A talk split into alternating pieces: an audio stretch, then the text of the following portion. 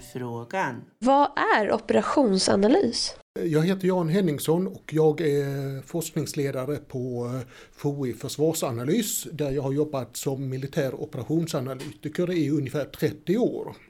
Ja, FOIs militära operationsanalys det syftar till att stödja beslutsfattande genom att tillämpa vetenskapliga metoder och modeller. Vi har operationsanalytiker som är placerade hos Försvarsmakten och då både i högkvarteret och på försvarsgrensstaberna.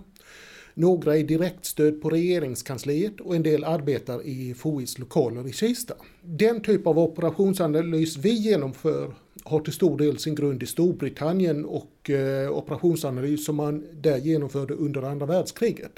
Exempelvis så försökte man då räkna på effekterna av olika sätt att skydda konvojer och handelsfartyg. Det fanns de som argumenterade för att luftvärn på handelsfartyg gav liten effekt då man sköt ner få fientliga flygplan. När man sedan analyserade problemet djupare och gjorde beräkningar så upptäckte man att handelsfartygens luftvärn verkade leda till att färre handelsfartyg blev sänkta. Alltså en delvis annorlunda effekt jämfört med vad man eh, kanske först hade förväntat sig. Förmodligen gjorde luftvärnspjäserna att de fientliga flygplanen ibland avstod från att angripa. Eller att de fällde sina vapen på längre avstånd.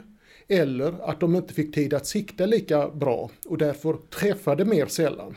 Ett annat exempel där britterna under andra världskriget utnyttjade vetenskap och teknologi på ett effektivt sätt var när man eh, etablerade radarkedjor som gav förvarning för fientliga flygangrepp. Man kunde då lokalisera de fientliga planen och därmed ge egna jaktflygplan tillfälle att möta dem på ett bättre sätt. Och detta bidrog i sin tur till att de fientliga flygangreppen fick mindre effekt och att de efterhand minskade. FOIs operationsanalytiker stödjer i två huvudsakliga områden. Det ena är operativt, det vill säga hur Försvarsmakten använder de resurser som man har. Det andra området, det är att utveckla förmåga. Hur kan och bör krigsförband och andra resurser vara utformade på 10-20 års sikt? är då en eh, viktig fråga. FOIs operationsanalytiker arbetade exempelvis med ubåtsjakt under 1980 och 1990-talen. Några frågeställningar i den operativa verksamheten kunde då vara hur kan man kombinera befintliga fartyg och helikoptrar för att få effektiva insatser? Hur kan man avväga mellan att kraftsamla alla resurser nu eller att ha resurser i reserv? Vilket uppträdande kan man ha? Bör man exempelvis utnyttja sonarer aktivt eller passivt? Hur kan man använda olika vapen? När man genomför en insats, hur kan man då fördela resurserna i ett konkret område? När man väl hade genomfört eh, olika typer av insatser och övningar så kunde man bland annat ställa sig frågor som vilka erfarenheter kan man dra av de här genomförda operationerna och övningarna? Hur kan de bidra till att förbättra planer och framtida verksamhet? I förmågeutveckling så kunde frågor vara exempelvis vilka konceptuella lösningar kan vi bygga? Vilka typer av förband kan vi ha? Hur bör olika förband utformas? Vilket personellt och materiellt innehåll bör de ha? Hur bör de utbildas och övas? För en given investeringsvolym, alltså ofta så är det ju så att eh, mängden pengar som man kan använda för någonting är begränsat. Ja, hur bör då den här investeringsvolymen fördelas mellan exempelvis fartyg, helikoptrar och andra resurser för att få bäst totaleffekt?